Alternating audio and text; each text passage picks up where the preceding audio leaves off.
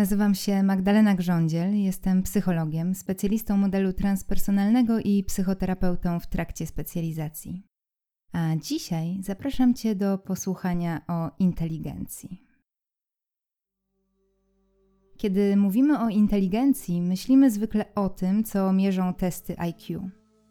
Jednak gdy przyjrzymy im się bliżej, dojdziemy do wniosku, że mierzą nic więcej jak tylko zdolności matematyczno-logiczne. Czy to wystarcza, żeby móc wysnuć wnioski na temat całokształtu inteligencji danego człowieka? Czy istnieje coś jeszcze, co składa się na to, co nazywamy inteligencją? Okazuje się, że badacze, naukowcy, psycholodzy i socjolodzy od dawna już wyróżniają wiele rodzajów inteligencji, które należy wziąć pod uwagę. Psycholog Howard Gardner wyróżnia ich aż osiem. W Polsce tym tematem zajmuje się socjolog Jarosław Gibas, którego książki swoją drogą serdecznie polecam.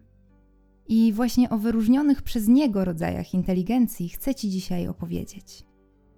Tak więc, oprócz zdolności matematyczno-logicznych mierzonych przez testy IQ, znajdujemy inteligencję adaptacyjną, emocjonalną, somatyczną, manualną, duchową, komunikacyjną i cyfrową, które razem składają się na to, co powinniśmy mieć na myśli, mówiąc o ogólnej inteligencji. Zacznijmy więc od tej pierwszej. Niezależnie od tego, jak rozwinięte są nasze wspomniane wcześniej zdolności matematyczno-logiczne, bez inteligencji adaptacyjnej niewiele zdziałamy. Inteligencja adaptacyjna to umiejętność odnajdywania się w nowych okolicznościach i zadaniach. To także zdolność do wykorzystania wcześniejszych doświadczeń i wiedzy w nowych sytuacjach.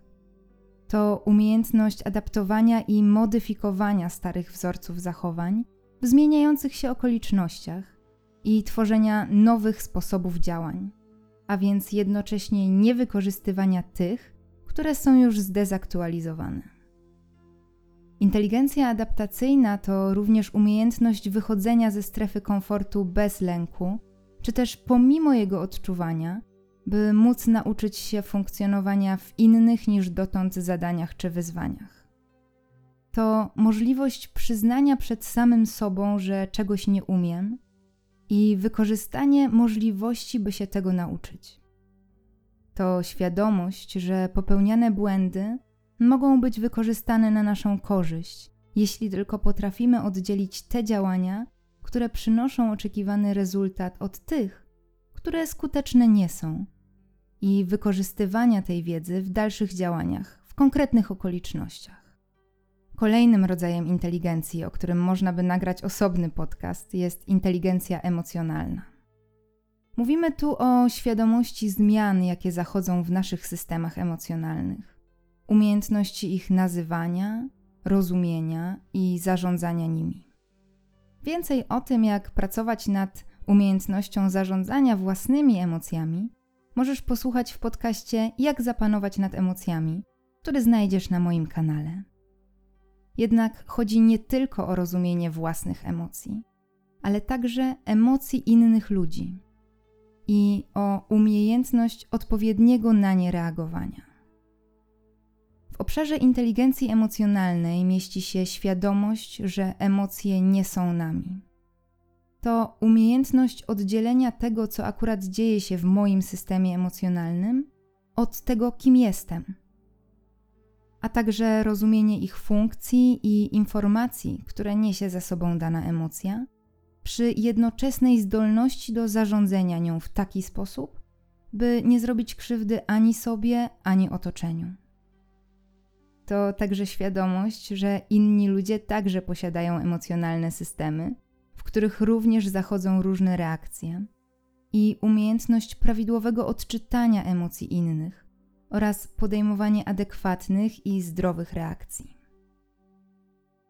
Inteligencja emocjonalna oznacza między innymi zdolność do odróżniania faktów od skrótów myślowych, które nasze mózgi uwielbiają stosować. A więc upraszczając, to, że strasznie się wczoraj zezłościłeś, nie oznacza, że jesteś zły.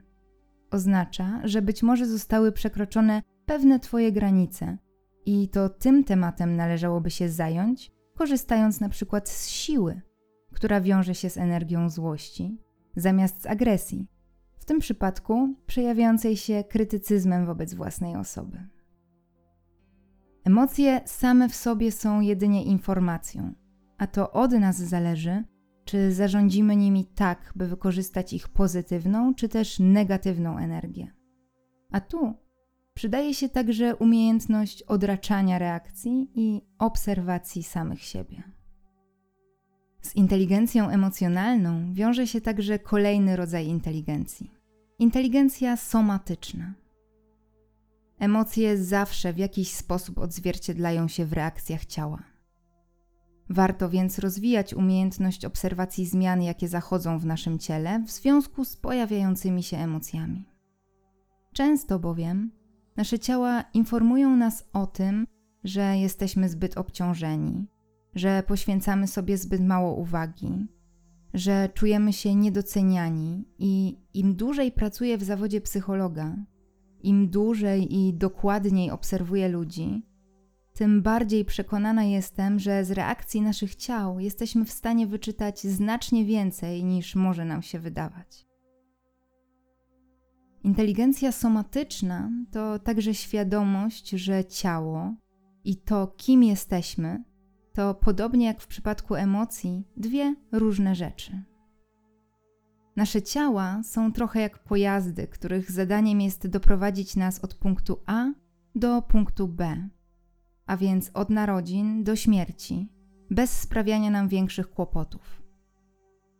Jednak my jesteśmy czymś więcej niż nasze ciała. Prowadząc samochód, nasłuchujemy, czy coś przypadkiem nie stuka w silniku, a gdy diagnozujemy, że coś się dzieje, zawozimy nasz pojazd do mechanika, robimy przeglądy, wymieniamy oleje. Naszym ciałom jednak często poświęcamy mniej uwagi niż samochodom, skupiając się jedynie na wyglądzie zewnętrznym, a zapominając, że wewnątrz zachodzi mnóstwo reakcji, od których zależy przecież jakość naszego życia. Inteligencja somatyczna to zatem umiejętność słuchania naszego ciała, odpowiedniego reagowania na informacje, które nam ono przekazuje, dbanie o nie i docenianie go, oraz świadomość, że jest ono nierozerwalnie związane z umysłem, jednocześnie nie identyfikując się wyłącznie z wyglądem. Inteligencja duchowa to kolejny rodzaj inteligencji, którego nie sposób pominąć potrzebujemy wiary w to, że istnieje coś więcej niż my sami. I tu nie można nie wspomnieć o fakcie, że już Abraham Maslow, którego wszyscy znamy i kojarzymy ze stworzoną przez niego piramidą potrzeb, wspominał właśnie o tej naszej potrzebie. Większość z nas uczyła się w szkole, że na szczycie piramidy potrzeb mieści się potrzeba samorealizacji. Ale już nie w każdej szkole wspomina się o tym, że Maslow w późniejszym czasie dodał do swojej piramidy jeszcze jedno piętro, na którym ulokował właśnie potrzebę transcendencji. Co ciekawe, kiedy rozmawiam z ludźmi, a rozmawiam z nimi dużo i często, rzadko zdarza mi się usłyszeć, że ktoś nie wierzy zupełnie w nic. Co pięknie obrazują przeprowadzone w 2002 roku badania, których wynika, że spora część społeczeństwa deklaruje się jako osoby areligijne, ale jednak duchowe. Stąd termin SBNR, czyli Spiritual but not religious. Niezależnie jednak od tego, w co wierzymy, inteligencja duchowa to tworzenie własnego światopoglądu i zdolność do przestrzegania i opisywania naszych przekonań i wierzeń, kontaktu z wyższym ja i odróżniania go od ego. To także akceptacja i tolerancja dla innych poglądów i przekonań. To danie sobie i innym prawa do rozumienia świata w swój własny sposób, przy jednoczesnym zachowaniu norm moralnych i wartości, którymi się kierujemy. To bycie szczerym wobec siebie i świata, wychodząc jednocześnie poza ramy materialne. W obszarze tej inteligencji mieszczą się także praktyki, które są dla nas istotne w kontekście rozwoju duchowego, niezależnie od tego, czy jest to uczęszczanie do kościoła, synagogi, meczetu czy własnego pokoju medytacyjnego. To poszukiwanie duchowej ścieżki, własnej życiowej misji i pozwalanie innym na odkrywanie ich ścieżek i dróg. To także umiejętność dokonywania wyborów związanych z naszymi działaniami, reakcjami i zachowaniami w zgodzie z przekonaniami i wartościami, które z naszą duchowością się wiążą. I akceptacja tego, że inni mogą rozumieć świat inaczej niż my, zachowując przy tym empatię. Akceptacja, wrażliwość, wewnętrzna mądrość, otwartość, spokój i miłość to moim zdaniem kluczowe słowa w kontekście inteligencji duchowej. Kolejna inteligencja to coraz bardziej doceniana dziś inteligencja manualna. Choć w ostatnich latach nieco zapomniana, powoli wraca do łask, co obserwujemy nie tylko w telewizyjnych programach, w których coraz częściej możemy zobaczyć, jak zrobić coś samodzielnie, ale także w ludzkich narracjach. Mamy bowiem ogromną potrzebę tworzenia, wyrażania siebie za pomocą zdolności własnych rąk, ale także poczucia, że zwyczajnie potrafimy zrobić coś bez wsparcia ekspertów. To także rodzaj inteligencji bardzo mocno związany z poczuciem własnej wartości i pewności siebie. Bo co daje większą satysfakcję niż to, że nie trzeba dzwonić po specjalistę, by wymienić żarówkę czy zlutować kable? Nie można też nie wspomnieć o fakcie, że wyrażanie naszych emocji czy wartości, zarówno z poziomu świadomego, jak i nieświadomego, odbywa się właśnie przez akt kreacji. Jeśli więc marzysz o malowaniu, tworzeniu ceramiki czy czegokolwiek innego, do czego możesz użyć własnych rąk, po prostu to rób, rozwijając tym samym swoją inteligencję manualną. Komunikować się ze światem, jak wspomniałam wcześniej, możemy oczywiście w sposób niewerbalny, ale nie możemy też pominąć komunikacji werbalnej i tak płynnie przechodzimy do inteligencji komunikacyjnej. Kiedy rozmawiamy z drugą osobą, tak naprawdę kodujemy jakąś myśl, którą chcemy przekazać. Odbiorca natomiast musi nasz komunikat odkodować, przetworzyć i zrozumieć by następnie przekazać nam odpowiedź. Umiejętność odpowiedniego przekazu, zgodnego z tym, co rzeczywiście chcemy powiedzieć, a także zdolność do prawidłowego odbioru zakodowanej informacji oraz świadomość konsekwencji, czyli potencjalnej reakcji odbiorcy na to, co chcemy powiedzieć, to właśnie inteligencja komunikacyjna.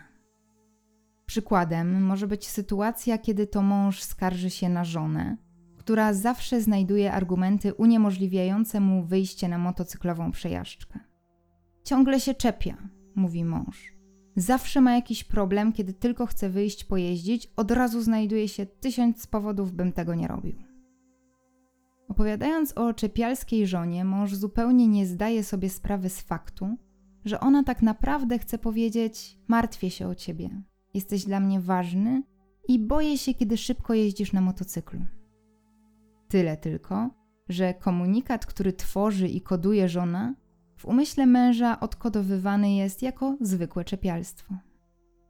Dlatego to takie ważne, by móc prawidłowo kierować naszymi rozmowami tak, by komunikat był możliwie jasny i zrozumiały dla odbiorcy.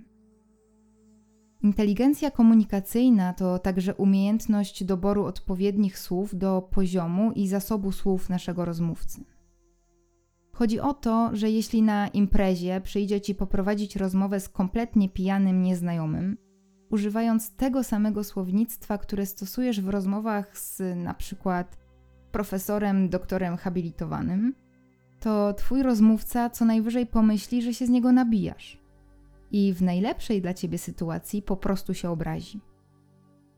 Chodzi więc także o świadomość konieczności doboru odpowiedniego słownictwa do kontekstu, sytuacji i rozmówcy, z którym prowadzisz dialog.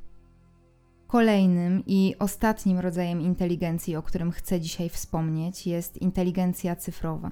I nie chodzi tu tylko o umiejętności związane z obsługą sprzętów takich jak komputer, smartfon czy iPad, ale także o umiejętność wykorzystywania technologii w sposób jak najbardziej dla nas użyteczny.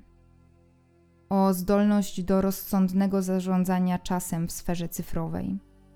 O wiedzę związaną z konsekwencjami naszych działań i świadomość, że coś, co raz trafi do internetu, zostanie tam już na zawsze. To także świadomość potencjalnych zagrożeń i dbanie o własne bezpieczeństwo w tej sferze. Każdą z wymienionych inteligencji omówiłam krótko ze względu na czas i fakt, że tak naprawdę o każdej z nich można by nagrać osobny podcast. Zachęcam więc do zgłębienia tematu samodzielnie, a także przyjrzenia się, które z Twoich inteligencji są dobrze rozwinięte, a które nieco szwankują, a także do podjęcia działań, by wzmocnić te, których braki odczuwasz. Kiedy system działa na zasadzie balansu, funkcjonujemy znacznie lepiej niż wtedy, kiedy poświęcamy uwagę tylko niektórym jego aspektom. Dziękuję i do usłyszenia.